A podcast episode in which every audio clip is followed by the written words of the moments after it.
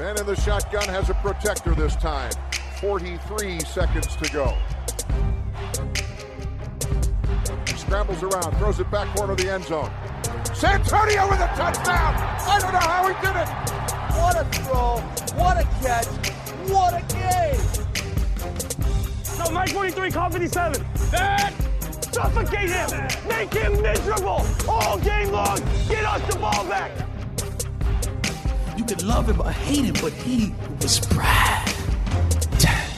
Hej, du lyssnar på veckans NFL som presenteras i samarbete med GameDay.se och som vanligt är det jag Mattias och så är det Lasse, Magnus och Rickard så full kvartett den här gången. Hur är läget med er? Lasse till exempel? Eh, det är bra. Eh, inget mer att säga. Bra. bra. Ni andra? Inget, inget spännande som har hänt. Det är bra. Vi har suttit här och väntat på att Lasses ljud krånglade men den här gången tack och lov innan inspelning i alla fall. Det är bra. Nej, men det, det, är bra med mig också. Det, har, eh, det är rätt intensiva tider överlag så att man är lite, så här, lite mör i, i huvudet. Men eh, kul att få snacka lite running backs och tight ends. Eller hur? Det var mycket. Vi, vi eh, började ju snacka här för typ en halvtimme sedan så det har varit liksom, eh, liksom utanför inspelningen så har det varit eh, stor debatt här om de här två positionerna så det lovar ju väl inför eh, snacket.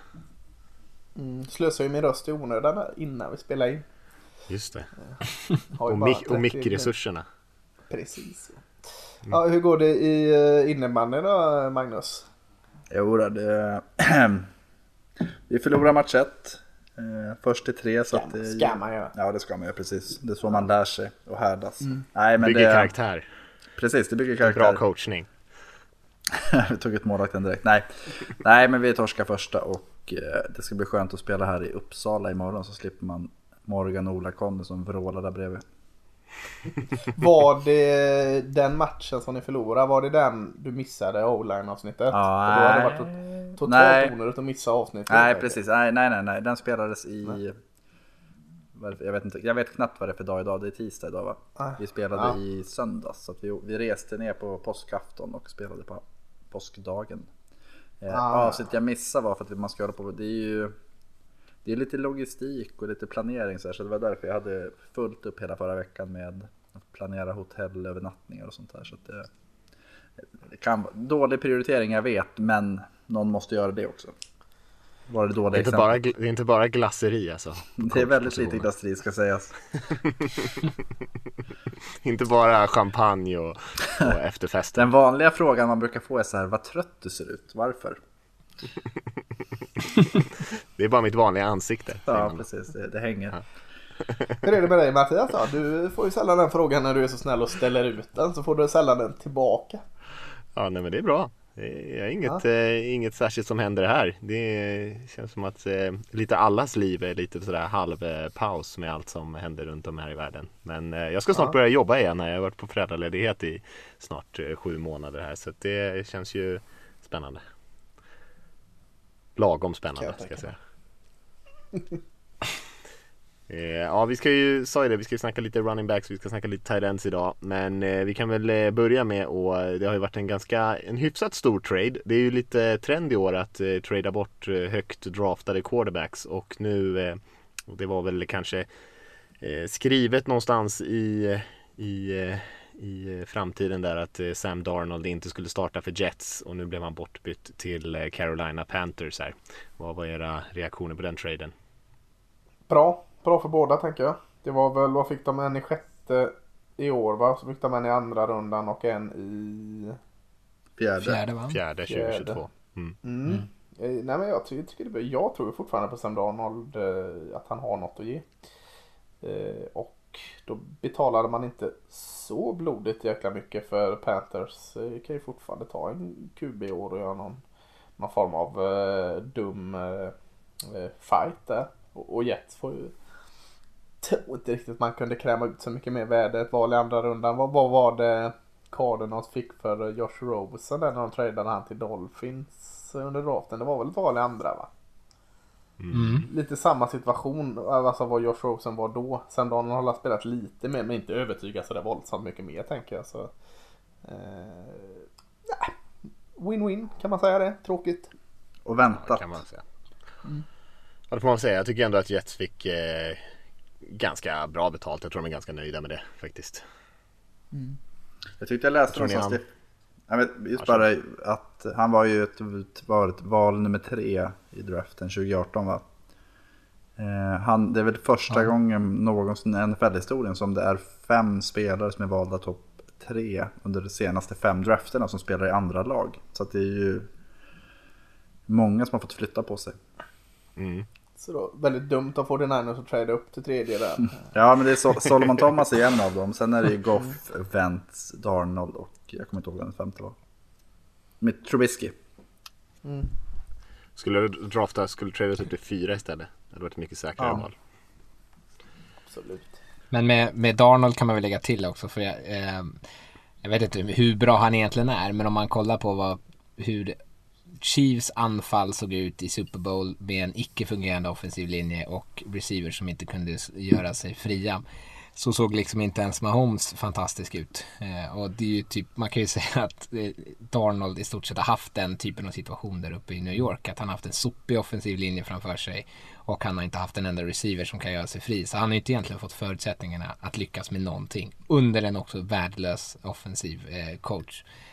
Um, så förhoppningsvis så är han väl lika bra som de trodde att han var när, de tog, när liksom, han kom ut i draften. Han är bara 23 år och eh, jämförelsen Precis. kan göras med Ryan Tannehill. Hans, när han väl kom från Gaze till Titans så var det ju en eh, sanslös utveckling egentligen när man tänker vad man hade väl gett upp på honom. Så att, det är ett ja, det är det faktiskt. Ja. Ta alla Gates gamla QBS. Det är alla spelare bara. Och alla, alla spelare som är ja.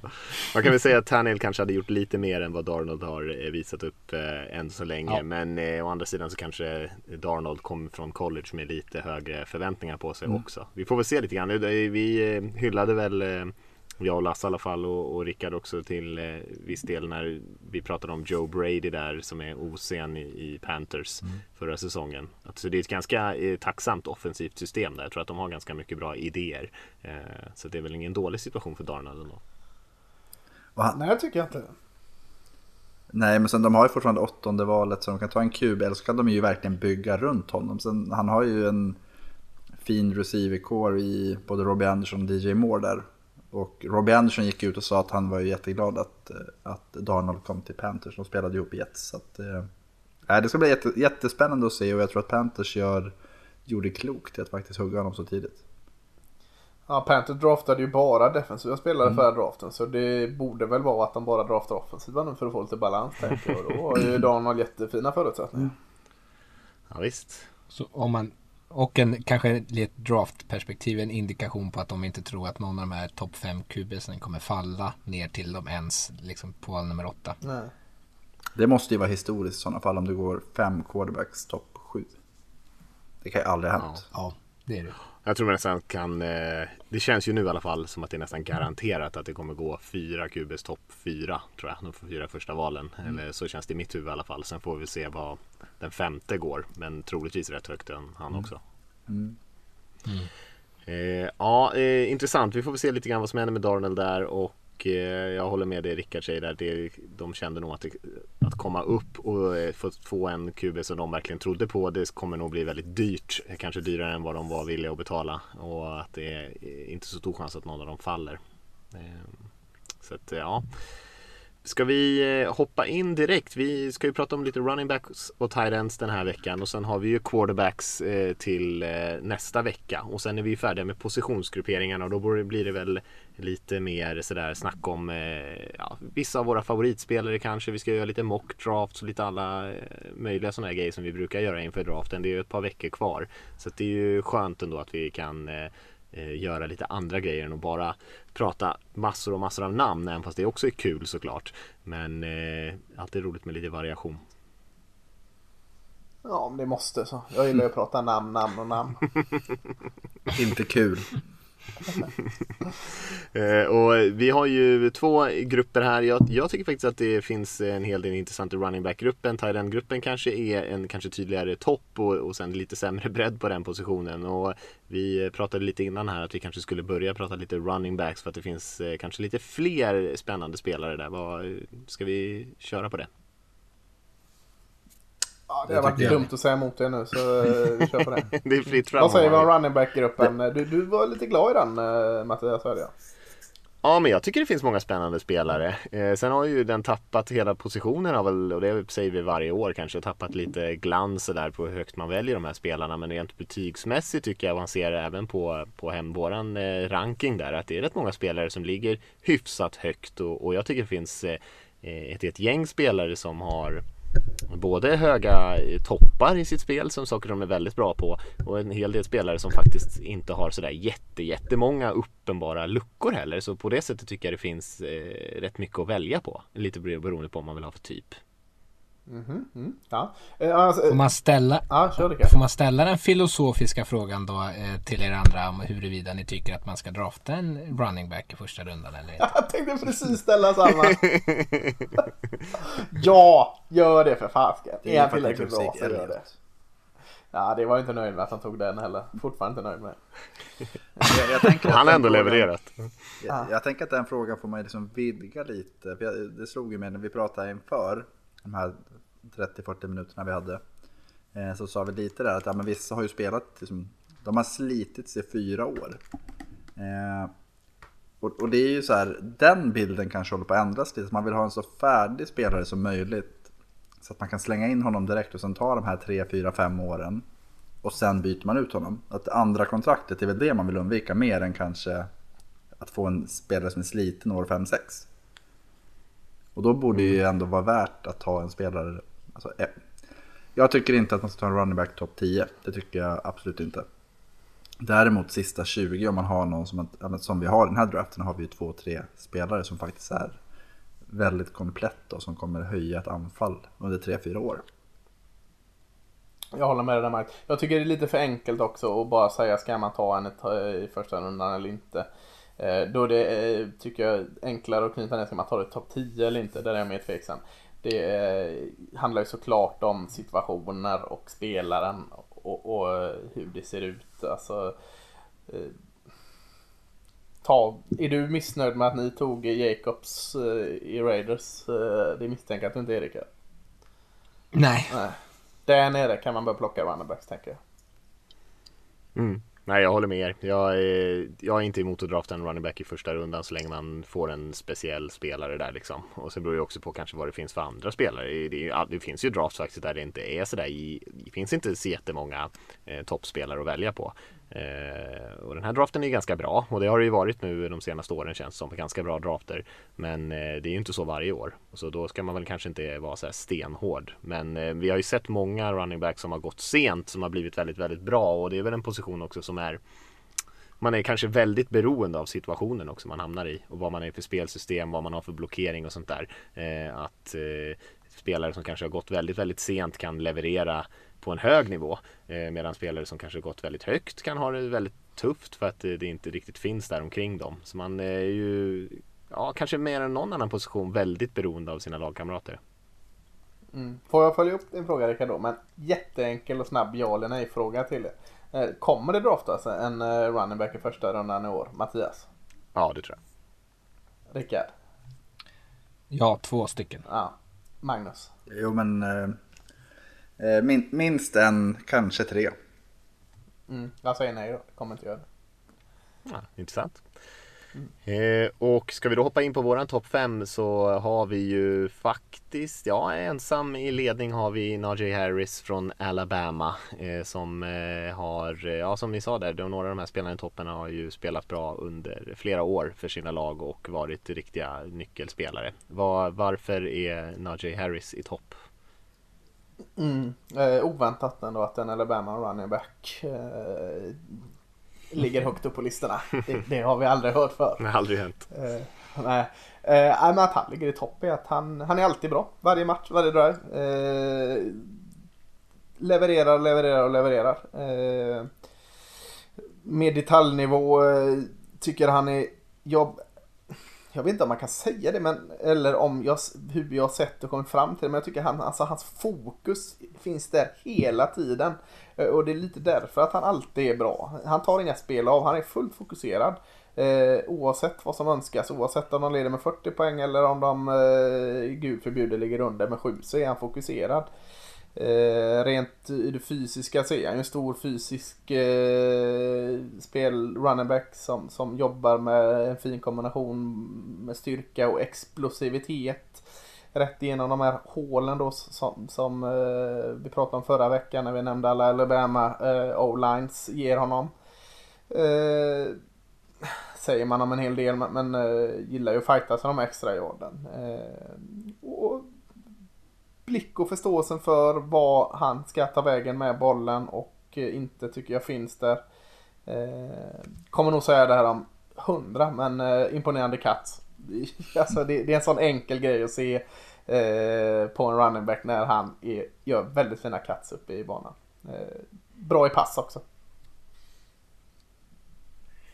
Ja, eh, eh, du tar fokus. Det tycker jag också är ett väldigt bra ord för att förklara honom. Eh, det känns som att han har väldigt bra koll på vad som händer runt omkring honom också hela tiden. Eh, både när han springer sina routes men framför, kanske framförallt när han springer med bollen är att han, han vet liksom när han, vilka hål han ska attackera.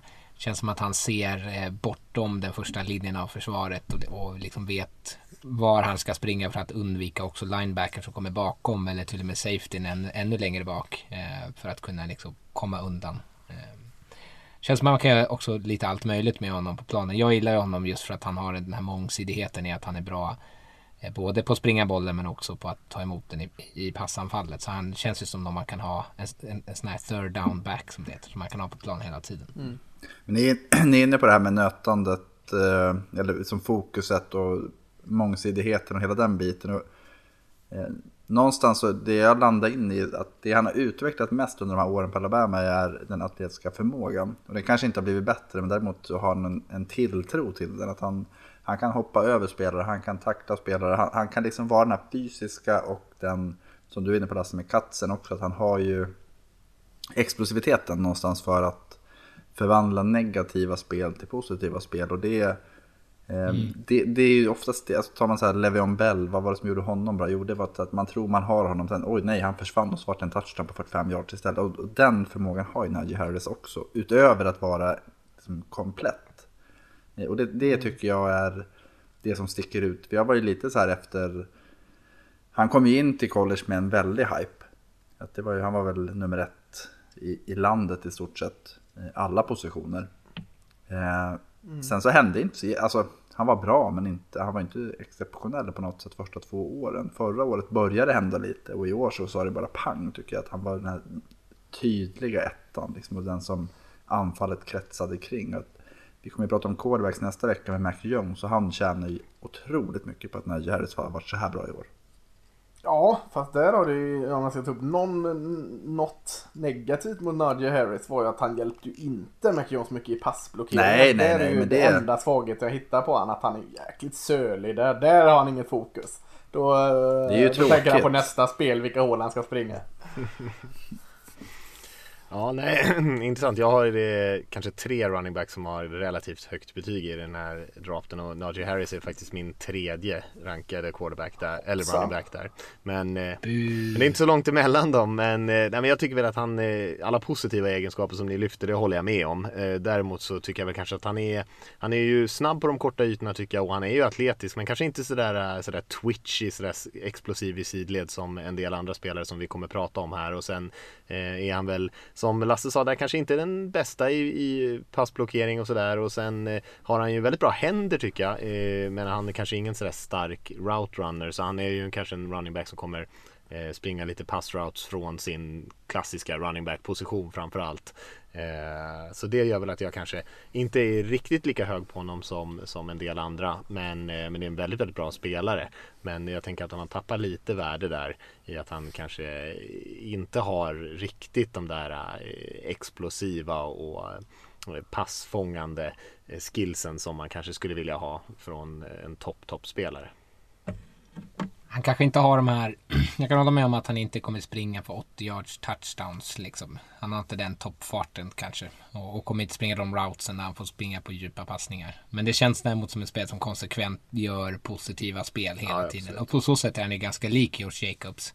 Eh, också i att så här, undvika negativa spel, hela tiden tugga framåt men kanske inte så här, krydda statsen med de här absurda springspelen som är liksom på hur mycket som helst. Och hur många lyckas med de här 80 yards eh, springspelen i NFL nu för tiden? Det är inte så jäkla ofta Derrick Henry typ. Mm. Ja. ja men det, han känns Knappt. ju som, han känns ju lite som man tänkte att Leonard Fournette skulle bli.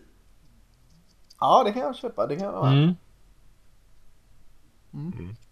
Fast bättre som pass. Ja, jo, men alltså, om man tänker helheten, att det var ju det man hoppades när Fournette slog igenom mm. LSU. Att ja, men den här, blir du så här, då är det liksom, då är det ett högt val. Mm. Harris har ju, han, jag tycker han har den förmågan. Liksom. Just det här, att inte släppa negativa och ja, men så, tar det mellan 5 och 15 yards hela tiden, då är det svårt att stoppa ett sånt anfall. Ja, ja visst en, en, helt klart en bra spelare. Eh, vi har ju en lite annan typ av spelare kan man säga på eh, position nummer två där, där vi har Travis Etienne från Clemson som kanske eh, är en betydligt vassare eh, passfångande running back och dessutom som kanske är snäppet kvickare och snabbare men inte riktigt lika tung. Eller håller ni med om den snabba sammanfattningen? Det skiljer ju... Magnus får ju, får ju hugga, det är ju eh, din kille. Ja fast jag har ju Harris högret, tyvärr höll jag på att säga. Nej. Ja, ändå ett igen. Ja, jag älskar ett igen. Jag sitter i en Travis ett igen tröja. Eh, han är ju 10 cm och 10 kilo enligt eh, de siffror vi har då. Eh, lättare och kortare än vad Najee Harris är och det, det märks ju också att han är inte han är inte den här fysiska på det sättet som Harris kan vara, men däremot så är han ju väldigt, väldigt komplett och väldigt, väldigt produktiv. Han har ju den här, eh, jag ska inte kalla det turbon, men han har en explosivitet och en snabbhet som är tillräcklig för att göra de stora spelen. Och i vissa matcher, jag tycker Clemsons 2020 var han, det var hans sämsta säsong. Eh, ja. Men de tre åren innan det, att eh, hade han gått för, förra året så hade han ju gått topp 20 tror jag. För då var han otroligt bra och bar ett anfall. I år var det inte lika viktigt för Clemsons anfall att, att ha en, en, ett igen i toppform. Men han har eh, men explosiviteten, snabbheten, förmågan att växla tempo. Det älskar jag hos running backs. Och det du pratar om Lasse med Katzen också, att han har ju den förmågan att liksom trycka till och verkligen bara försvinna. Eh, överlag skulle jag säga att det som sticker ut hos honom är de här fina fötterna. Han, han kan hela mm. tiden And, alltså, ja. han, han, kan liksom dansa, han kan trycka ifrån, han, han har um, liksom allting i fötterna och det, det, jag tycker att det är häftigt att se. Ja, jag tycker, alltså det, när han växlar upp på de här alltså, extremt korta sträckorna, hur, alltså 0 till 100 bil är han ju, det går ju mm. snabbt in i helsike. Eh, sen toppfarten eh, kanske inte alltid är där, men eh, man ser ju verkligen hur jobbigt det är att hänga med honom där. Just den här första eh, tempoökningen är mäkta imponerande. Mm. Jag tänkte det du sa där, jag håller med i, i, i stort sett allt du säger där. Eh, men att hans eh, 2020 inte var lika eh, bra eller produktivt eller man ska säga som de två tidigare åren. Han var fortfarande väldigt, väldigt bra 2020. Så, så det var inte så att han var dålig. Det är att man, man hade en Travis igen standard. Jag tänker också lite att det kan vara att hela 2020 var någon form av halvt träningsläger för Travis Etienne för att utveckla sina svagheter och, och, spela på ett annat sätt. För det kändes lite som att han spelade på ett annat sätt 2020 och eh, slipade på eh, hans spel i pass. Eh, var duktig på det som du var inne på Mattias men slipade ännu mer på det och, och eh, utvecklade sina routes och eh, jobbade helt enkelt upp sin NFL-aktie där. Så att eh, jag har inte läst det eller hört det någonstans men jag kan tänka mig det. Eh, det, det jag har lite så här det jag tycker är konstigt med Travis man, Jag säger i alla fall det om väldigt många running backs som, som eh, jag har skrivit betyg på att de läser planen så väldigt bra. De ser hålen, de ser det öppna gräset, de ser vad, vad eh, linebacken eller safety ska ta vägen och byter riktning. Ibland känns det som att Etienne inte gör det riktigt. Han är fortfarande så oerhört bra men han, jag tycker han springer med huvudet ner i mar- eller blicken ner i marken lite för ofta och, och, och ser inte det. Nu klarar han det ändå men, men det är kanske det är jag lite oroad för att han inte läser av planen lika bra som så många, som många andra gör. Hmm. Alltså ja, jag vet inte. Alltså jag tycker det som är mest imponerande med honom är hans fötter som, som Magnus är inne på tycker mm. jag också. Han känns som att han hela tiden bara kan byta riktning. Eh, och liksom trassla sig igenom hur mycket trafik det än är centralt. Men kanske att han sätter sig i sådana situationer att han behöver göra de typerna av cutsen då. För att han inte kanske tar rätt hål från första början. Jag tycker i och för sig att han hittar de här hålen och jag tycker att han spelar med ganska bra beslutsamhet när han springer. Mm. Eh, jag vet inte om jag håller med dig i det Lasse. Nej, eh, jag, jag säger inte att han är direkt dålig på det. Jag bara tycker att, eh, ja, jag tycker det är lite konstigt. att han hamnar i situationer han kanske inte alltid borde hamna i. Men han ska ju spela i något sorts outside zone, liksom stretchspel mot sidlinjen där han bara kan liksom vänta tills rätt hål öppnar sig så behöver han ju bara dra där för yes. att han är så explosiv att då kommer han ju lyckas eh, på det sättet. Mm. Nej, jag håller med om det. Jag tycker att bäst är han ju när han har en relativt clean look där på att blockeringen är bra eller han kanske kan få någon spelare som han är lite en mot en mot någon försvarare och kan få den första spelaren att missa liksom. Eh, han är ju inte samma typ av spelare som Harris som kanske inte är riktigt så beroende av eh, jättebra blockering utan kan ja, som ni säger, kötta igenom ett par spelare och plocka några extra yards ändå. Det är väl kanske inte riktigt ett igen. Han har ju inte den fysiska dimensionen. Han försöker ju ofta också kanske komma runt spelaren snarare än att springa igenom mm. spelaren och det är väl det som jag tycker han saknar kanske en, liksom en, den där riktigt fysiska dimensionen eh, och kanske också gå ner på lite armtacklingar och sånt där ibland men sen är han ju de grejerna han är bra på är han ju riktigt, riktigt bra på explosiviteten och snabbheten och, och de smidiga fötterna och riktningsförändringarna och sånt där. Så det är ju en lite annan typ av eh, running back som säkert kommer spela i ett lite annat typ av system. Men som ni säger, 6000 yards från scrimmage över det, 78 touchdowns i Clemson. Så han har ju varit oerhört, oerhört produktiv både i egentligen i spring och i pass. Eh, så att eh, det, det finns ju väldigt, väldigt mycket att gilla med honom. Mm. Ska vi hoppa till nummer tre där vi har Javonte Williams från North Carolina som eh, är ungefär lika lång som Travis Etienne men eh, har ju 8-10 pannor på honom någonstans. Så att en lite mer satt spelare kan man väl säga. Ja, då får du, din gubbe, får du börja Mattias. Du var ju hans nummer ett. Ja det har jag faktiskt. Eh, ja, men jag, jag, gillar den här typen av running backs som är liksom eh, lite rejälare, lite mer eh, fysiska, svårtacklade, springer runt där med sina trästockar till ben. Jag tycker han spelar med en, liksom en utmärkt balans och en väldigt låg tyngdpunkt. Jag tycker han visar också på ett väldigt bra spelsinne och hittar de där hålen och, och där blockeringen gör jobbet för honom. Jag tycker att han är kanske lite mer allround än de andra två där man ser en ganska tydlig roll för dem Att han kan springa både centralt för han har den fys fysikaliteten eller vad man säger. Och eh, både lite burst och snabbhet sådär för att hota på utsidan och kanske till och med slå till med några sådana här stora spel. Eh, en ganska bra passmottagare också. En eh, ettrig liten blocker skrev jag också. Tycker jag han gör det ganska bra. Eh, och eh, en imponerande stiff arm. Eh, kanske inte den som håller på att flasha så mycket med, med häftiga moves och supersnabba riktningsförändringar som en Etienne. Eh, men jag tycker ändå att han är, kan sätta foten i marken och verkligen sticka iväg sådär också. Jag tycker att han ser ut lite grann som, som Aaron Jones i Packers. Eh, lite den stilen av spelare. Eh, Jones är ju väldigt, väldigt bra i passningsspelet och där kanske Williams är lite efter. Men å andra sidan kanske mm. lite mer fysisk än vad, vad Jones är. Eh, nej, men jag tycker det finns väldigt mycket att gilla där. Jag tror att han kan passa i de flesta systemen och eh, spela bra under ganska många olika omständigheter. Mm. Rickard?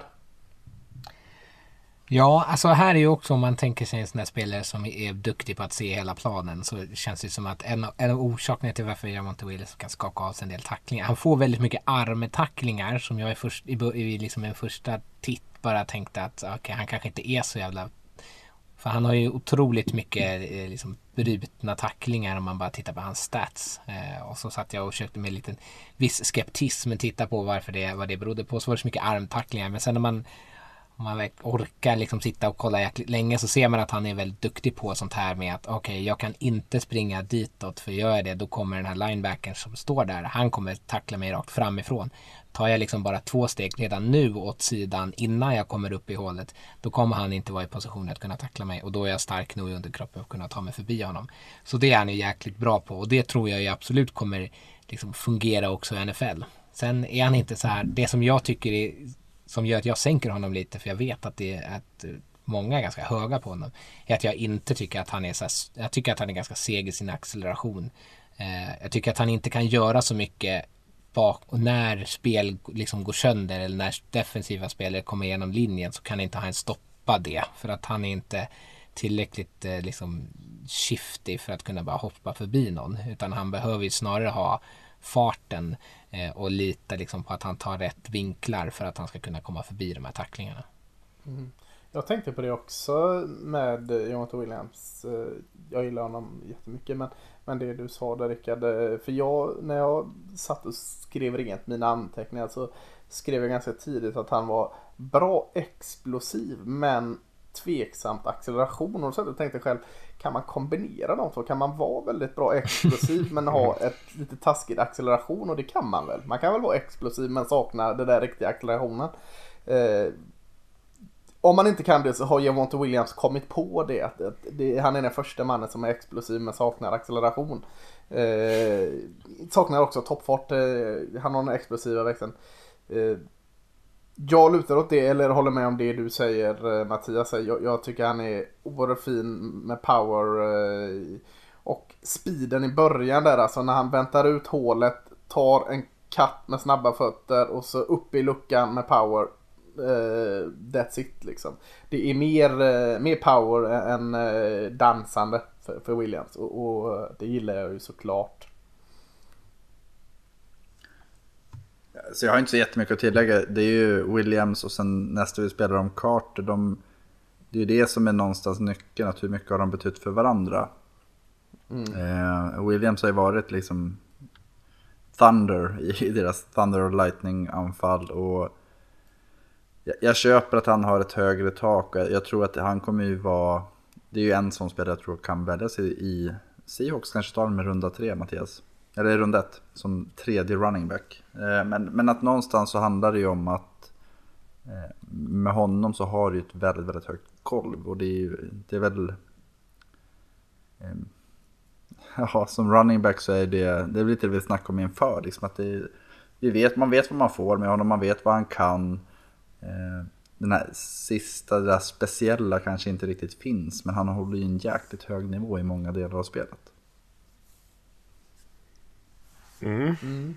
Eh, ska vi hoppa till vår fyra där? För det är ju lagkamraten som du hintade om där Magnus. Det är ju Michael Carter som är, ja de har ju spel, de har delat på bördan ganska mycket där i North Carolina. Eh, Carter är ju eh, lite lättare kan man säga, 10 kilo lättare än, än kollegan. Men eh, kanske en del andra spännande kvaliteter. Ja, det, det, är så roligt med, med alltså Jonathan Williams och Michael Carter har ju gått hand i hand i North Carolina. Eh, inte bara ett utan, utan jag tror de har gjort det i tre år. Eh, I varje fall två, jag tror det är tre. Eh, och alltid har de varit lika bra båda två. De två senaste åren har ju en av mina favoritcoacher i college, McBrown, tränat dem. Och såklart hört mycket om honom. Hur, hur tänker ni där med Jonathan Williams och Michael Carter? Vad, vilka situationer sätter du in henne? jag har ingen aning säger McBrown. De, eh, de får sköta lite själva. Running back coachen har inte heller någon vidare aning. Liksom. De byter av varandra lite eh, som de känner. Det släpper jag helt. Jag kan fokusera på eh, andra saker. Så att det är väldigt så här. Nu, nu överdriver han säkert i intervjuerna just den friheten de har. Men jag kan tänka mig att det ligger en viss sanning i det. För att de, de levererar exakt lika bra fast på olika sätt varje match.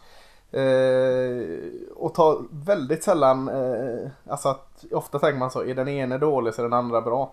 Ja, är, all, båda är bra varje match ungefär. Mm. Så det, det, är väldigt roligt och, och, som Magnus säger där så är ju eh, Jonte Williams då Thunder då eh, om det ska vara lite styrka och slagkraft och Carter den blixtrande lite snabbare.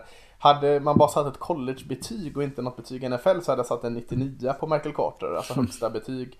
Eh, för i college är han, eh, ah, han är som gjord och skapt för college. Men eh, det kommer bli tuffare för honom i NFL. För att vara den lilla, lilla grejen så har han inte riktigt den där farten och snabbheten som kanske krävs för att, vara den speltypen i NFL. Han är mer kvick än snabb.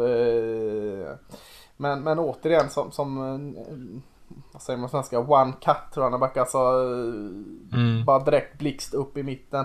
Det är jäkligt fint, eh, låg. Eh, och liksom svår att få tag i. Eh, eh, ha liksom framåt sidligt, framåt sidligt. Eh, just hans sidled i rörelse tycker jag kanske är hans absolut styrka. Så att, eh, men, men, för att vara den lite eh, mindre typen av spelare så hade jag nog önskat lite mer snabbhet eh, för, för att, att få ut exakt det han har fått ut i college i NFL. men jag, alltså jag kan ju bara instämma i att han är ju långt ifrån idealisk eh, på något sätt. Och det är väl lite det som är skärmen också med, med Michael Carter. Alltså han är ju den, när man satt och kollade på North Carolina så var det ju oftare jag tänkte så här, ja men fan, nu böt Carter än att Williams böt. Att Carter vill man ju se.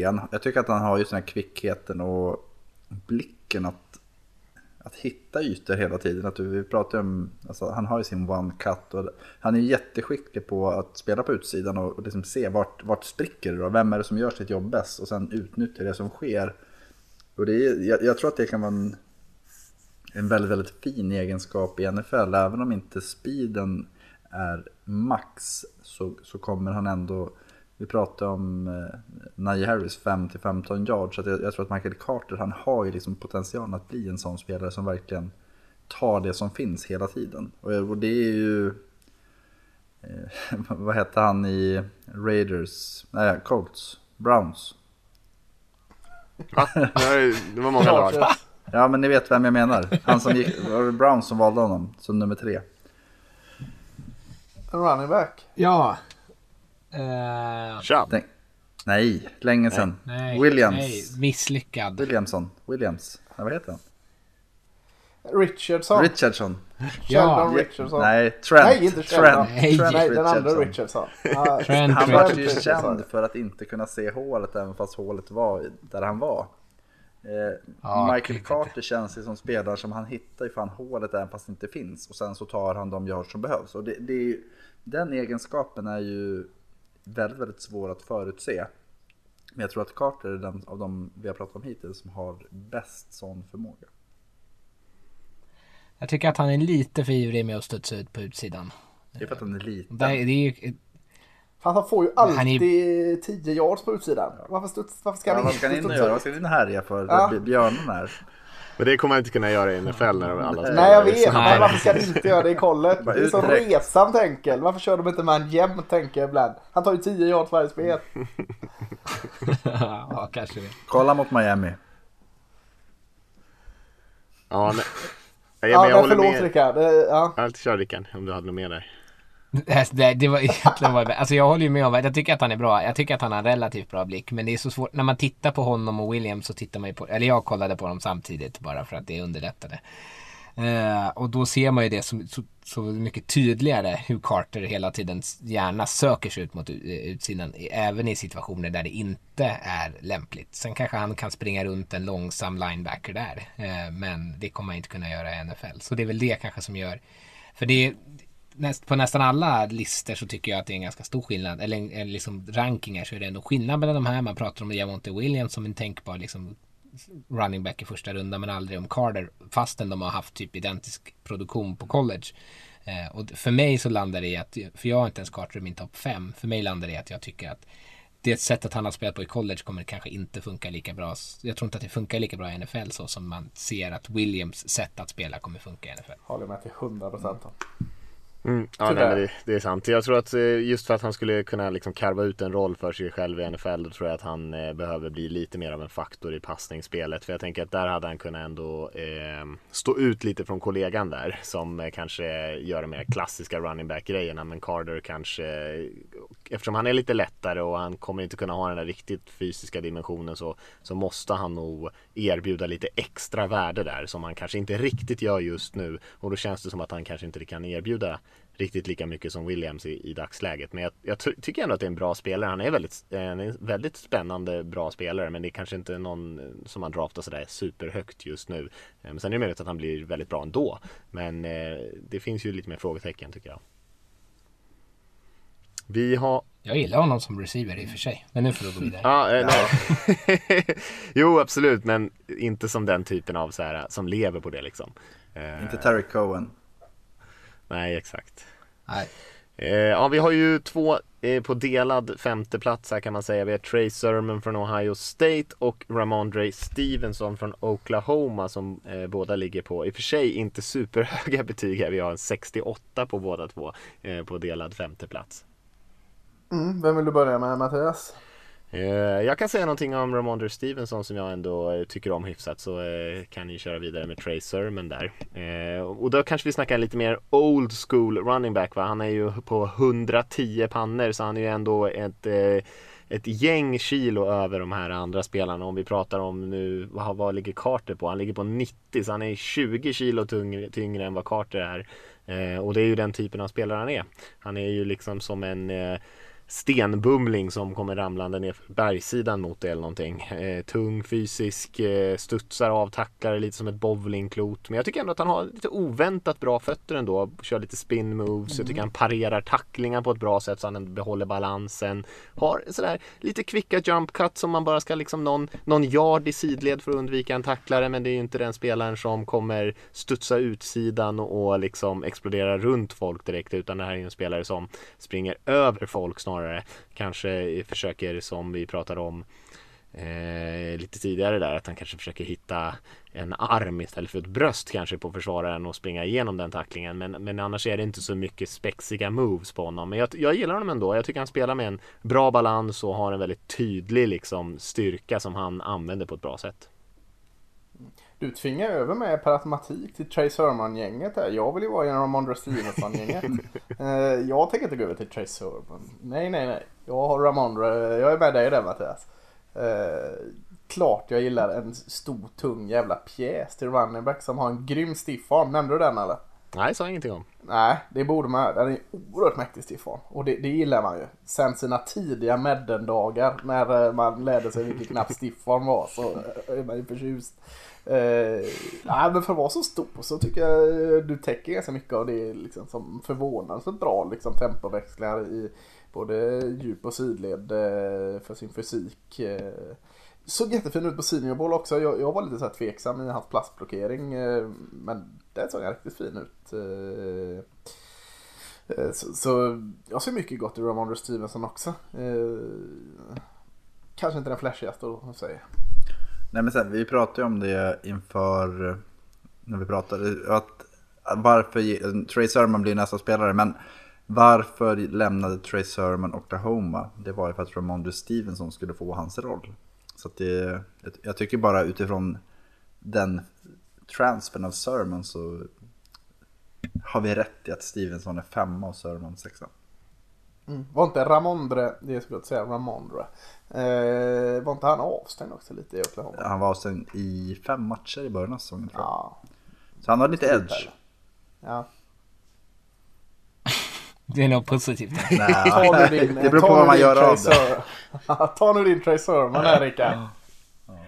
Alltså, jag gillar också Stevenson. Jag tycker inte kanske att han är nödvändigtvis lika bra som Sermon var när Sermon var som bäst i slutet av säsongen. Men eh, då, då, får jag väl vara en Sermon-kille då. Mm. Sermon är ju verkligen den bästa running backen i draften. eh, nej, men alltså, ofta, man, jag förstår att man kan vara ifrågasätta det här då, som, eh, som Magnus är inne på, varför Sermon byter till Ohio State, varför han måste fly konkurrensen från Stevenson. Eh, men jag förstår inte heller hur man liksom inte kan titta på att han sprang för 633 yards på 70 försök de sista tre matcherna av säsongen. Eh, och se, när man tittar på de matcherna så är han ju fenomenal. Och man kan inte säga någonting annat tycker jag. Sen bjuds han kanske på en del hål. De har en väldigt bra offensiv linje i Ohio State.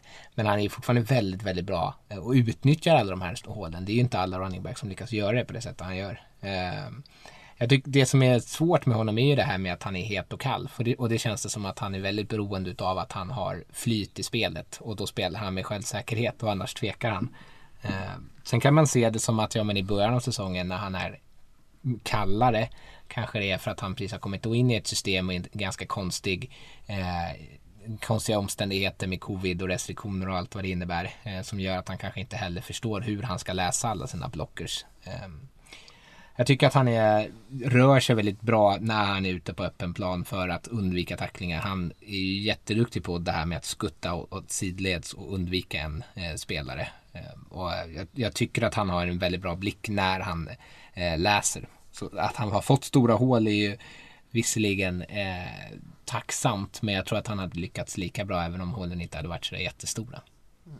Sörman och Stuvesson är väl relativt lika. Inte alltså karbonpapper men på varandra men eh, stora fysiska och tuffa runnerback. Det är ju Sörman också fast, fast han är mindre då. Eh, men, eh, eh, jag tycker Sermon är mycket bättre på att undvika kontakt än vad Stevenson är. Stevenson är ju, jag tycker inte att han ser planen tillräckligt bra. Man vet ju inte liksom om, om Stevenson är bra eller dålig på att undvika kontakt. För han behöver ju inte undvika kontakt. Stevenson är ju liksom... Eh, boom! Säger det så... så ett frågetecken där. Nej men jag, jag håller med dig. Jag är inte emot Sermon på något sätt. Det var bara lite så att vad har han extra att ge känner jag inte lite. Det, det, är väl också en sån som jag ofta har gått i den fällan att se fenomenalt bra ut på college. Kan han vara den spelaren i NFL som, som kan göra de grejerna där är jag lite mer tveksam till. Men eh, jag ser absolut en framtid för honom i NFL. Det är ju rätt många Ohio State quarterback, eller running back som har... Eh, de har inte blivit... bra? Ja, det... Ja. Har inte ni än? Jo, Liam. Dobbins, Elliot, ja. jo men de har ju verkligen varit, ja. de har ju verkligen stuckit ut och varit... Men jag, jag tänker att det, det vad heter han, Webb? Heter han så? Uh, Weber hade ja. vem som hette. Ja. Här, alltså de har ju alltid bra running backs så det, det, är ju... Har de inte det här speciella så, så blir de sällan någonting. Jag, jag, jag har svårt att se att Sörman kommer vara eh, superduper. Mm. Mm. Har vi Fick några... vi sex running backs här? Ja. Har vi några andra som vi vill eh, lyfta när vi ändå är igång på positionen? Farlig, farlig fråga att ställa den Mattias. Släng några snabba. Ja, jag, jag tycker vi kan uh, lyfta... Uh, jag vet inte fasiken vi ska lyfta. Uh, Kenneth Gainwell. Uh, Memphis Gainwell. Memphis har ju spottat ut spännande och moderna running backs de senaste åren i draften. Eh, och Gainwell är väl näst upp på tur. Mm. Oerhört skicklig i passspelet, i screens och slots. Så skulle nog liksom kunna göra ett case för att han kanske ska spela som slot receiver i NFL. Eh, men väldigt spännande i den här oerhört duktiga passmottagaren som tar han inte en startroll så är han väldigt attraktiv att vara inne på avgörande tredje försök. Jag tänker Jimma Jefferson från Oregon State som har... Eh, han är ju verkligen den här köttbullen, lite kortare, lite kraftigare. Eh, inte synts speciellt mycket i college utifrån skolan han har spelat på, men han har varit eh, the focal point i deras anfall hela tiden och, och producerat. Och han har eh, fin cut, bra fart. Eh, han, han har verkligen den här eh, profilen på en spelare som faktiskt kommer kunna bli väldigt, väldigt produktiv i NFL. Jag tycker han påminner lite om uh, Javante Williams som vi pratade om innan. Om mm. Eller Ray Rice. jag, jag tänkte jag tar den tidigare på listan. Du tar en, en uh, all time great Baltimore-spelare. ja, men, ah, alltså det är ändå den vibben man får. Att det, det ah, finns den här li, liksom... Uh, ja, men han, man ser att det finns klass. Sen hur mycket, ah. hur, vad, vad det blir värt i slutändan får vi se. Vill du lyfta Khalil Herbert Rickard? Gärna om jag får. Ja. Det är ju min fjärde rankade running back. Jag har ju honom ganska högt. Eh, det, alltså jag tycker att när man kollar på honom så ser han ut som en NFL-QB. Eh, han är väldigt bra som runner tycker jag. Han har väldigt bra blick för spelet. Tar typ ständigt rätt beslut. Eh, jag tycker att han vet när det är värt att chansa på att springa för de stora spelen eh, och när det han egentligen bara behöver sänka axeln och plocka upp tre eller fyra yards för att det är för grötigt. Eh, och det tycker jag är svinbra. Eh, jag tycker att han är bra både i, som, liksom för att han har en snabbhet och för att han har en fysik. Eh, och jämför man honom med Sermon här då som vi har pratat om fick ganska stora hål. Eh, han har haft en ganska dålig offensiv linje framför sig och han har gjort väldigt mycket själv för att faktiskt maximera de här spelen. Mm. Sen har han, och det är ju så här, om man ska spela i NFL och du pratade tidigare Lasse om det här med vad NFL är på väg någonstans. Eh, så är han ju bara en runner i stort sett. Han har knappt eh, en enda alltså en, en enda passningsmottagning i stort sett under hela sin college-karriär. Och han är alldeles för liten och för dålig i passblockering för att kunna spela där. Så han blir ju konstig typ av running back som bara kan vara inne på spring, ganska tydliga springsituationer. Eh, Men han gör ju det så pass bra. Eh, jag tror ju att han kan bli bättre på att fånga bollen om han bara liksom får lära sig det. Jag vet inte, jag förstår inte, jag, jag kan verkligen inte eh, förstå varför han inte har någon form av produktion där. Jag är bara lite så misstänksam. Keller Herbert eh, spelade ju i Kansas 2019 och mm. hade väldigt, väldigt svårt att producera i ett sopigt Kansas. Eh, Puka Williams som också ska draftas i år eh, tog väl mycket av eh, försöken där och så kom ja. han till Virginia Tech och så blev han helt plötsligt superbra. Virginia Tech kanske inte hade de bästa förutsättningarna där men betydligt bättre än i Kansas. Så jag blir så här, kan han inte kräva ut något mer i ett sämre lag? hur mycket är omgivningen då tänker jag. Men ja, jag vet inte. Det är, jag, jag ser det du säger absolut också. Men lite så här, ja. Fast den, den diskussionen är ju superintressant. Jag, jag är ju själv tränare och man, man har ju, alltså spelare passar olika i olika miljöer. Så är det ju. Ah. Och det är Herbert, att han funkar bättre i en bättre miljö, det, det säger vi kanske lite om miljön. Mm. Kanske. Mm. Eh, jag tycker man kan nämna Chuba Hubbard också från Oklahoma State som eh, kanske inte heller någon Kanadensaren Ja exakt som hade ett superbra 2019 eh, och sen så eh, ett ganska svagt kanske 2020 då han fick lite färre chanser och också var mindre effektiv men eh, som är en lite så här lättare, väldigt explosiv spelare med ja, superspeed egentligen för en running back positionen. Jag tycker han liknade Raheem Mostert lite grann som spelat för 49ers bland annat. Ja, det är bra jämförelse. Mm. Men han är ju ingen spelare som söker upp någon kontakt direkt utan han vill ju, han vill ju helst inte bli rörd så mycket när han spelar. Och det är kanske lite klurigt. när han hamnar i ett sånt system där han liksom eh, väntas kanske springa lite mer i sidled och sen använda snabbheten. Eh, då tror jag ändå han skulle kunna eh, leverera hyfsat. Men det är väl kanske ingen så här eh, nummer ett running back i, i NFL. Lyssnar man på, eller kollar man på, på denna spelare så ska man ju lyssna på MC Hammer och Can Touch This. Men vad heter det, var inte Hubbard ganska eh, i det här Black Lives Matters-grejen med eh, Oklahoma oh. State att mycket fokus från själva spelet försvann ifrån honom. Han blev ju tokig när eh, Mike Gundy hade en Owen t-shirt på en fisketur där. Ja. Så att det, det, ja, att han var sämre 2020 kan ha sina orsaker. Mm. Han ville inte spela bra helt enkelt för sin coach. Ja, eller att han hade andra saker som... McGundy är ju en eh, klassiker på alla sätt och vis, men... Jag kan tänka mig att hamnar man lite på snedden med honom så blir livet inte det lättaste. Så kan det vara. Ja, nej. Eh, det kanske får räcka med running backs där. Det var en hel del. Ja, Alldeles för mycket tid ja. fick backs. Herregud, kan vi ta tillbaka lite mer o tid här eller? Så mycket tid fick fasiken inte o Vi hoppar till Tyren, det är ju nästan o-line i alla fall. Eh, ja, det och det, det, kan man säga om den gruppen är vi ganska lätt analyserade där. Vi har en eh, riktig, riktig eh, supertalang på eh, Eh, högst upp på listan och sen så går det ganska snabbt ner för tyckte jag. Eh, det finns ju några spelare, jag vet att vi eh, har några här som vi gillar lite, lite olika men spelare ändå som vi tycker känns spännande men det är ju ändå ganska solklar topp här med Kyle Pitts från Florida. Mm, börja prata om Kyle Pitts här nu Mattias. Var, var, varför är han pratas det om han att vissa ska ta han redan med val 5. Ja, han är ju väl fullständigt unik kanske egentligen eh, för den positionen. Han är ju egentligen eh, lika eh, atletisk och, och bra route runner som en, en receiver.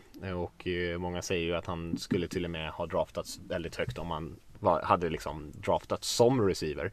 För det är ju mm. där man vill ha honom. Han har ju spelat en del i blockering och sådär också. Eh, spelat en del inline som man säger när man liksom står ihop med den offensiva linjen. Eh, men det är väl inte där man vill ha honom för varje sån snap är väl egentligen en slöseri på hans riktiga talanger och det är ju att vara ute som passmottagare. Och där är han ju väldigt, väldigt bra. Både liksom explosiv hur han rör sig och stark i duellerna. En liksom naturlig passfångare på alla möjliga sätt och är väl kan väl nästan beskrivas som en lite supersized wide receiver där. Eh, och eh, ha den kroppskontrollen, den snabbheten, explosiviteten han har för den storleken som han ändå har. Han är nästan två meter lång, väger strax under 110 kilo.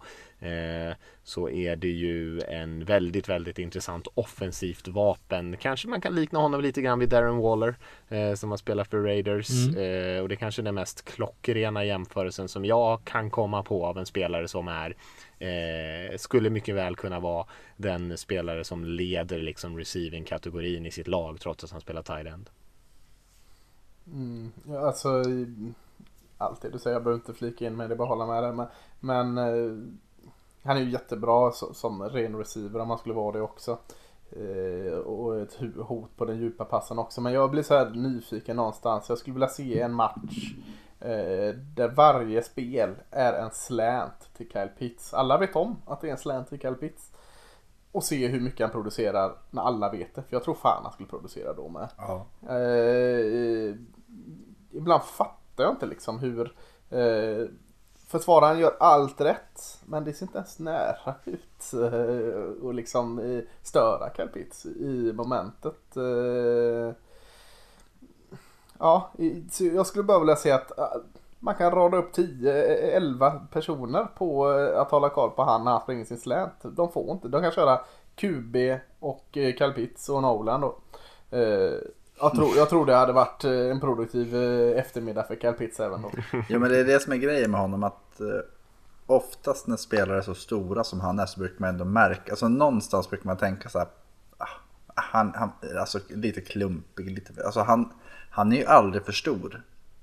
Han är alltid liksom perfekt. Han är alltid atlet. Han, alltså han har ju liksom... Jag vet inte hur många gånger man kollar på Florida och känt det som att... Ja, det, är en, det är liksom en klasskillnad på nivån. Det är få gånger i college man känner liksom att... Äh, han, han spelar liksom...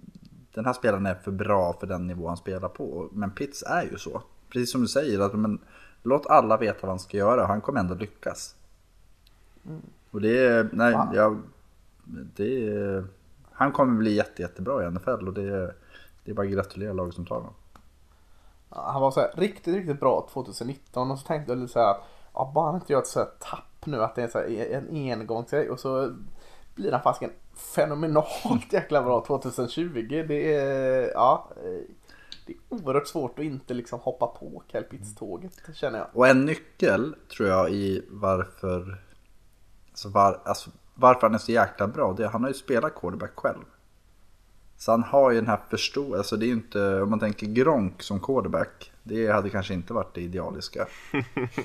Men alltså han, han har ju... Kelsey har ju spelat ja, ja, men Kelsey har ju det. Men Gronk har inte gjort det. Men, men Pitts har ju liksom förmågan och förståelsen för vad är det som sker, vad händer, var ska ta vägen, vad, vad kommer den här personen som kastar bollen se? Och det är ju också en sån sak som gör att han, eh, han ser saker tidigt och kan anpassa sin jättestora kropp till det. Vilket, alltså, hur ska man försvara det? Mm. Han är som jag tänker mig att LeBron James hade varit om han hade spelat eh, fotboll. Ja, alltså bara så här, hela tiden fysiskt överlägsen. Att man, även när han står, Pitts kommer ju vara, även när han kliver ut liksom sin första dag i NFL så kommer man fortfarande titta på honom och tänka så här, vilket jävla freak han är. Eh, och det är ju inte bara för att han har stått bland de här college kidsen som han är liksom överlägsen, utan han kommer ju vara det även i NFL. Han är ju verkligen ett, ett unikum. Ja. Ja, hans eh, smidighet och kroppskontroll som han har för den storleken är ju nästan overklig. Det är ju, eh, man ser ju ibland när han eh, justerar på låga kast och sånt där och dyker ner och plockar dem precis över grässtråna där. Då är det ju liksom sånt som, som inte borde gå eh, när man är nästan två meter lång. Men, men eftersom det är lite glapp här nu ner till tvåan så ska vi stanna en extra minut bara på Kyle Pitts och, och leka med lite ett scenario. Alltså att, säg att du, du, eh, du draftar här runt 10 och 15. Du har en tight end, du, du har inget behov för tight end. Har man råd liksom att, säg att Capit Pitts faller ner lite här nu. Det går många quarterbacks, eh, det går någon receiver, det går någon ola. Sitter du där val 8, 9, 10. Har man råd att tacka nej till Kyle Pitts då? Alltså en sån här typ av spelare. Även om du inte är behovet av honom. Nej.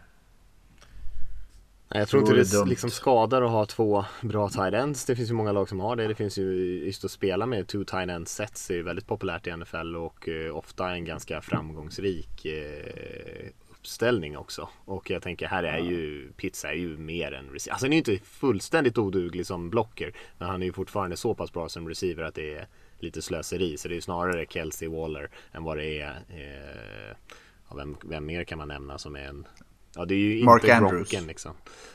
Mark Andrews till exempel. ja. Nej men det, det jag tänker är då så att du väljer 8, 9, 10, 11 och så har du tydliga behov du måste fylla. De spelarna finns också där. Nu kanske ni undrar att jag frågar eftersom jag är Dallas Cowboys här och vi är inriktade på att vi måste förstärka vårt försvar och allt sådant liksom. Men Kyle Pitts finns fasiken där.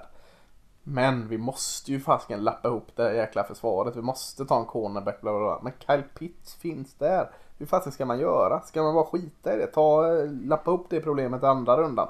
Ta Kyle Pitts om han finns där. Ja. Ja. I alla fall om man har, eh, behöver förstärka sin passmottagargrupp. Då behöver man inte tänka så mycket på en tight end. Men liksom, ja, har man det liksom på det torra då kanske, ja, då får man fundera på det. Men det finns ju kanske inte mm. ett så jättestort gäng eh, spelare i den här draften som är uppe på de betygsnivåerna som Kyle Pitts ändå är. Det kanske är liksom, kanske pratar 5, 6, 7 spelare som är där uppe. Och sen går det ju mm. liksom eh, neråt till ett stort gäng spelare som kanske ligger på samma. Men han är ju en av de här elitspelarna verkligen. Mm. Ja. Good luck follow that. Exakt. Mm. För nu blir det ju lite annan stil på resten här va. Vi har ju Baby Gronk eh, som han kallas Pat Fryermuth från eh, Penn State som är våran eh, tvåa. Han ligger eh, inte så, han ligger för sig bara 11 pinnar bakom här. Han har fått ett ganska generöst betyg på 80 tycker jag. Men, eh, men eh, ändå tvåa på listan. Jag tror du gör lite för bra uttal. Eh, jänkarna är lata vet du. Det är det fry em out bara. eh, så var mycket sändningar i alla fall. Eh, ja, eh, alltid det där snacket. Ja, det här är den nya Rob Gronkowski. Och i år är det ju fry em out då som, som de pratar om. Eh, inte helt schysst att få den jämförelsen tänker jag på något sätt. Men det är klart, det finns ju en anledning. Han påminner ju en del om just eh, Gronken i, i sitt typ av spel. Eh, stor, stark med bra power.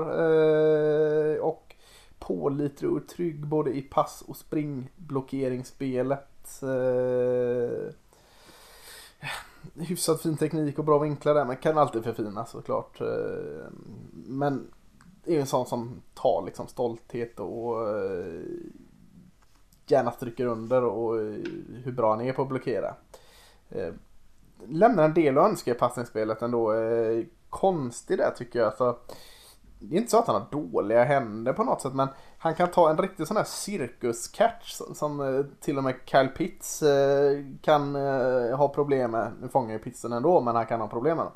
Eh, den kan eh, Frymouth ta men däremot så en som sitter i siffran på honom den kan han helt tappa bort det. Så han är lite slarvig kan jag tycka i, i bollmottagningen.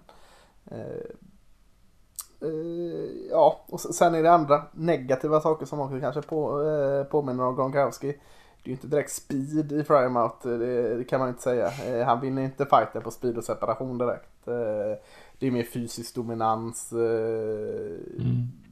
Däremot så är han inte osmidig och klumpig direkt tycker jag inte. Ganska smidig för sin storlek. Men, men han kommer inte vinna många matcher med, med fart. Han är ju det som kanske jag framförallt tycker att han är gronkig i, i om man ska vara sån då.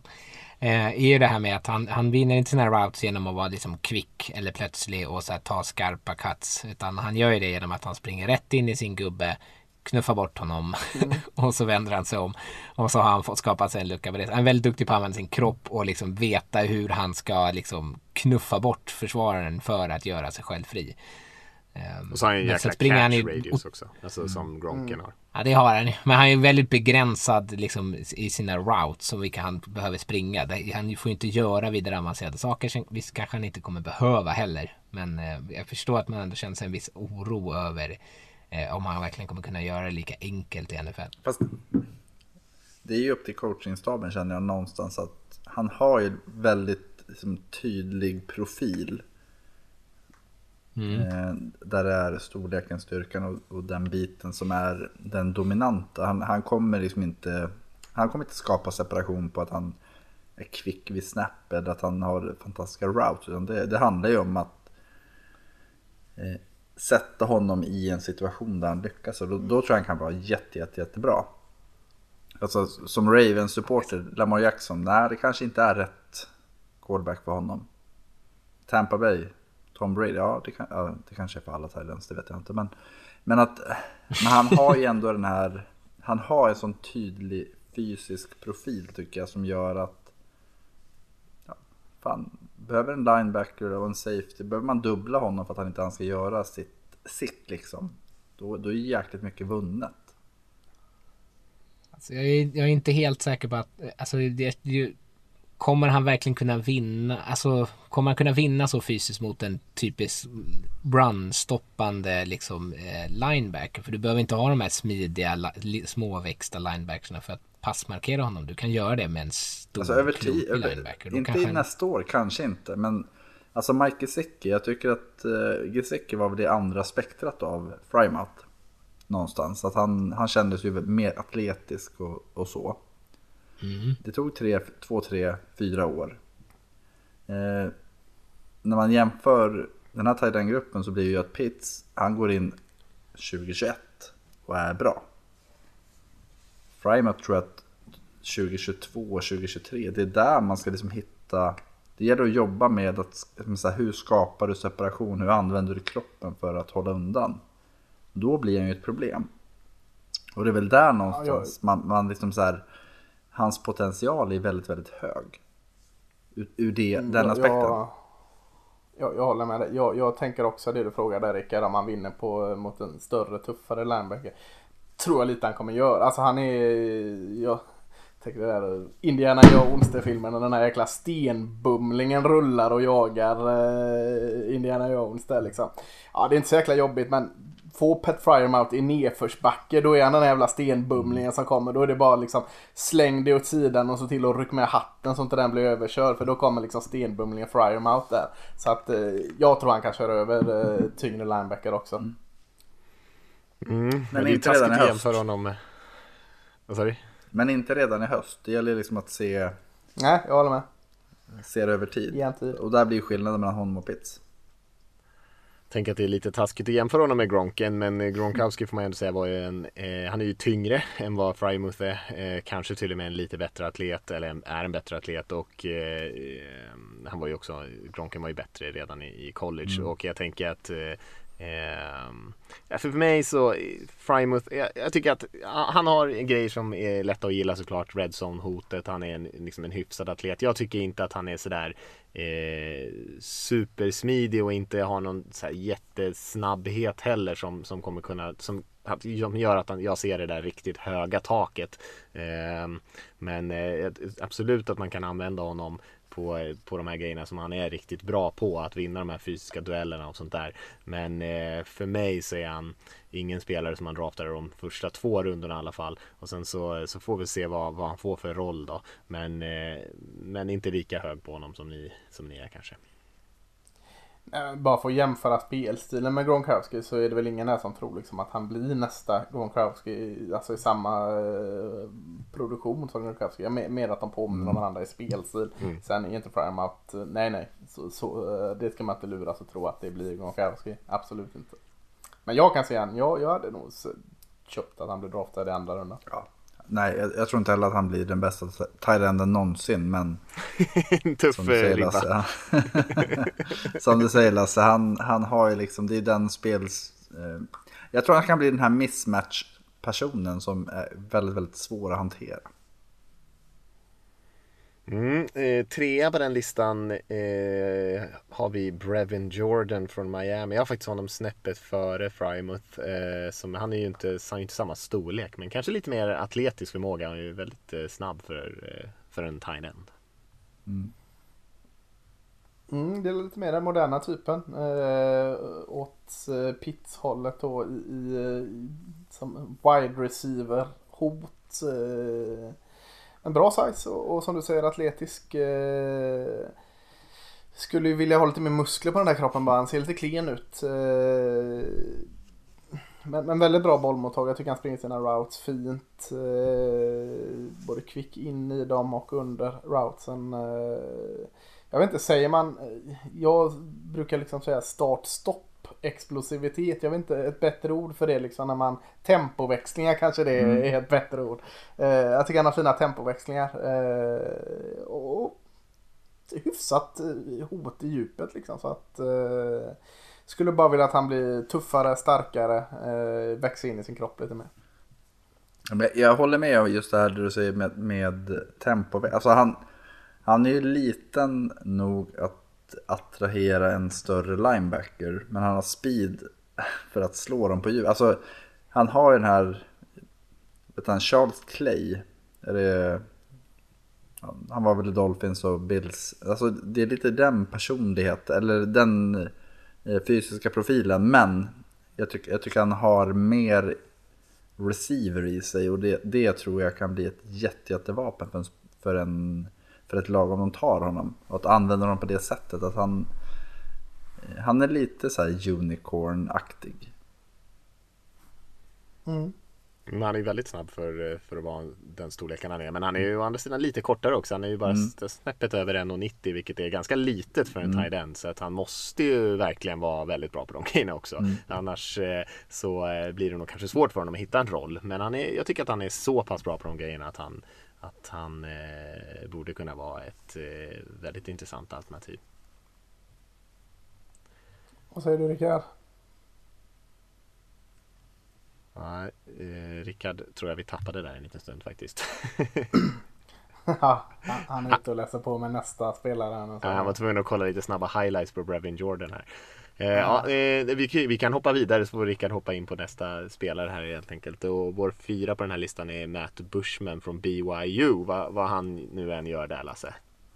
Ja, oh, att han inte är högre. Det är, nej, han är faktiskt fyra på min lista också. Uh, ja, det är ingen som pratar om Matt Bushman. Uh, missade hela BYU är ett jättefint 2020. Uh, missade det, han slet av hälsenan och var borta hela året. Ja, jag är jättemycket högre på honom än eh, i stort sett alla är. Många har inte varit med honom på sina listor. Eh, man får ta ställning till det direkt och han är 25 år, ska fylla 26 år. Eh, så, så, vissa lag kommer säkert inte liksom ägna honom en tanke. Så, så, så, det är ju det, en 26-åring. Vad, eh, vad ska man göra med det? Vad hette han ni draftade nu igen? Det frågade innan vi spelade in eh, Magnus. Hayden Hurst. Hayden Hurst, han var eh, också något sånt Eller var han ännu äldre? Han är väl 28 nu tror jag. Men han spelar ju ändå... Eh, position vet jag inte. Men han, han draftades ju tidigt av Pittsburgh Pirates i M Major League Baseball. Så han ja. spelade baseball i typ ett, två år innan han gick till South Carolina och började spela amerikansk fotboll igen. Ja, Bushman var också väldigt lovande i baseball. Så mycket likheter redan där. Eh, eh, men jättestor, alltså stor fysisk, enormt vingspann, eh, vingspann och fångar allt som kommer omkring honom. Eh, jag tror det här kan vara, om man kan leva med att han är 26 år när man kommer till NFL-lag. Eh, är man okej okay med det så, så, tror jag att eh, det kan vara ett av de stora fynden i draften. Jag har svårt att se att inte fler eh, håller honom högre. Eh, antagligen så är det den där 26-årsgrejen. Nu har jag sagt 26 år hur många gånger som helst men det, måste, det är den enda anledningen jag ser. Eh, för, för, att vara så stor och, eh, som han är så tycker jag han är väldigt atletisk och bra fart nerför planen. Han är, alltså, kan vara ett hot i djupet. Eh, Zach Wilson han hade väldigt roligt upp 2019. Eh, springer routsen, fint, tajmar bollbana snyggt. Eh, så att eh, jag undrar lite varför, eh, varför inte fler är högre på honom. Ja, nej jag, har, jag tycker ju inte att han, jag, jag, han har speeden tycker jag i det djupa spelet och eh, han har ju storleken. Jag tycker inte att han, jag tycker han kan se lite stel ut faktiskt. Jag tycker att eh, Eh, när jag skrev lite grann att det såg ut som en, en, en, en kortare person som sprang runt på stylte lite grann. Jag tycker att han kan bli, mm. se lite stapplig ut ibland och, och sådär. Och så när han fångat bollen, alltså svår att få ner på marken. Eh, som sagt, har lite snabbhet sådär på en rak sträcka. Men jag tycker att det lämnar lite mycket att önska på, på atletkontot ändå i ren så smidighet och sådär. Och han är ju inte någon så dominant blocker heller tycker jag. Eh, har ju spelat ganska mycket, ställt upp på dem ganska mycket som en ren passfångare. Eh, så jag har lite svårt, det är liksom i kombination med att han är lite äldre så har jag svårt att se något riktigt tydligt värde. Jag skulle nog inte vilja drafta honom förrän i ja, efter i alla fall halva draften har passerat tror jag. Eh, just på grund av de grejerna. Eh, men han är ju inte hopplös. Nej men då är du nog också eh, mer glad i honom än vad väldigt, väldigt många är. För jag har sett många som inte har med en alltså, odraftad free agent runda sju och sånt så att eh, eh andra halvan av draften, över andra halvan av draften är du nog ändå lite, om vare sig du vill eller inte, ombord på Matt Bushman-tåget. Ja, jag, jag, testade ju rätt. Han testade ju rätt dåligt på sin pro day dessutom. Ja. Jag håller med Mattias om att han ser inte speciellt atletisk ut. Eh, sen tycker jag att han, han fångar bollen rätt bra. Jag tycker han är väldigt duktig på att möta bollen med sina händer. Men jag, jag, jag, jag är nog mer på undrafted free agent hållet eh, än, än någonting annat. Jag tycker inte att han gör så mycket annat speciellt bra. Nej, ja, ja. Nej, ingen, ingen mer där Lasse. Nej. Nej. Vänta och se. Men det säger kanske någonting om den här draftklassen också. Att vi, att vi behöver sitta och prata om någon som en av oss ser som en eventuell undrafted free agent. Ja. Var det inte lite så, så förra året också med Tyrell? Var inte vår eh, jo. nummer ett? Han, han blev inte draftad tror jag inte ens. Vår nummer ett ens? Ja. Vår nummer ett måste ha blivit det. Nej, förra året tror jag inte det. Var det inte han Hunter Bryant i Washington? Ja, det minns jag inte. Var det vår nummer ett? Ja. Nej, Cole Kmet måste varit vår etta förra året. Kanske. Han var i alla fall... Ja, jag vet inte. Ja, vi ska inte hänga upp oss på det. Eh, men, men det är torftigt i Tyrenda senaste åren. Det var väl Hockerson mm. eller Hookerson och vad hette han andra från Iowa för tre år sedan som var... Gittel. Eh, Font, Noah Font. Ja, Noah Font. De två var väl de två senaste. Kittel gick ju sent. Han gick ju fan i sjätte rundan eller sånt där väl? Ja. Så han gick ju inte högt när han väl draftades heller faktiskt. Riktigt sjukt. Ja, vi... vi hade faktiskt Hunter Bryant före Cole Kemet förra året. Mm. Så, men Bryson Hopkins var nummer ett. Men de hade samma betyg. Men det var en riktigt ja. dålig. Colby Parkinson var där också som spelade. Han är ju, men det, det, det, är ju för tidigt att, att ge, ge en på honom. Tyst ja, kan vi inte slänga Colby Parkinson under bussen här. Ja, han har gjort en del i SI också. Då. Men ja. jag skulle säga ingen, det högsta betyget förra året på Tidend var 73. Så det var ju inte några toppbetyg på någon spelare. Men om man tittar man någon position så är det ju, om man säger de vi tar idag, running back, de pikar ju typ år två. År två, år tre känns det som så här då är de som bäst. Tyrend är ju så här fjärde, femte, sjätte året är de som bäst. Ja, kanske. Det stämmer. Ja, kanske. Kanske, kanske rätt i. Jag tänker så här, de flesta som är, vilka är det som är bäst nu? Eh, Waller, han eh, draftades av Ravens som wide receiver. Han var där i två, tre år och hade drog... Alltså, det tog fyra år han bytte position. Nu ses han som en topp Eh, Kelsey, han var väl, han, var, han har alltid varit bra. Han sen... var väl rätt bra. Ja, men och Kiddle kom ju till år två. Och Gronken var ju bra direkt. Jag tänker så här, toppspelarna, de kanske, de kanske kommer ganska fort ur mm. startgroparna. Men sen eh, de, alla de här andra Greg som Olsen, startar. Marcellus Bennett, de bytte lag. Mm. Ja, Jason Witten var redan, han var Hall of Fame på bussen. Han, han var ju fan Hall of Fame 2020. Ja kommentator. Det finns ju en anledning att Weller var så bra. Jo, han kom under Jason Witten. Det var säkert säkert därför. Ska vi eh, hoppa till eh, Hunter Long från Boston College eh, som ligger på en stark 66 i betyg där så jag är inte jätte, jättehöga betyg på honom. Jag, jag kan börja med honom där. Jag tycker att det, mm. jag tycker det finns lite att gilla honom där. Jag har honom ganska rejält över Bushman i alla fall. Jag tycker att det är en, en ganska allround tight end med, har en hyfsat intressant fysik också. Har ju en väldigt bra storlek. Rör sig, tycker jag, hyfsat smidigt. Kanske inte någon så här skarp route runner direkt men eh, tycker ändå att han har tillräckliga färdigheter där för att vara en, ett bra alternativ i passningsspelet. Jag tycker att han gör ett eh, ganska bra jobb i passblockering också. Kanske inte riktigt att han får ut så mycket kraft i springblockeringen men, men i passblockering tycker jag han spelar med ganska stadig teknik ändå. Men det känns som en spelare som är eh, stabil utan att direkt chocka eller wowa någon. Eh, jag tycker att det skulle kunna vara ett bra val där någonstans i mitten på draften också. Tredje, fjärde rundan kanske. Och få in en spelare som ändå kan starta för en. Jag skulle säga att det är årets Kolkmet detta. Eh, allround, bra på det mesta. Eh, utan att liksom sticka ut på någonting. Mm. Som du säger. Så att, och Kolkmet kanske skulle valts ungefär samtidigt som Hunter Long i årets draft. Så ja, helt okej. Okay. inte något sådär extra. Ja, jag har inget att tillägga, jag håller med. Han är osexig i det mesta han gör. Eh, men någorlunda pålitlig i det mesta också. Mm. Sen vet jag inte om jag hade lagt ett val i tredje rundan ja, på kanske det. lite tidigt då. Mm, har vi nå, om vi inte har något mer på Hunter Long där, är det någon annan spännande tight end som vi vill eh, lyfta? Ja, är det Trey McKitty? Det är det faktiskt. Trey McKitty, Georgia. Han, eh, eh, han började sin karriär i Florida State. Fick inte, alltså de hade ju bedrövliga quarterbacks och dåliga offensive linjes. Och han fick liksom Dåliga inte till det. Florida State. Ja. Jag tror du sa, sa du inte Ohio State? Nej, Florida State sant. Ja, du sa det. Det är jag som sitter och tänker på svärmarna Släpp honom. Han blir ja. ändå inget.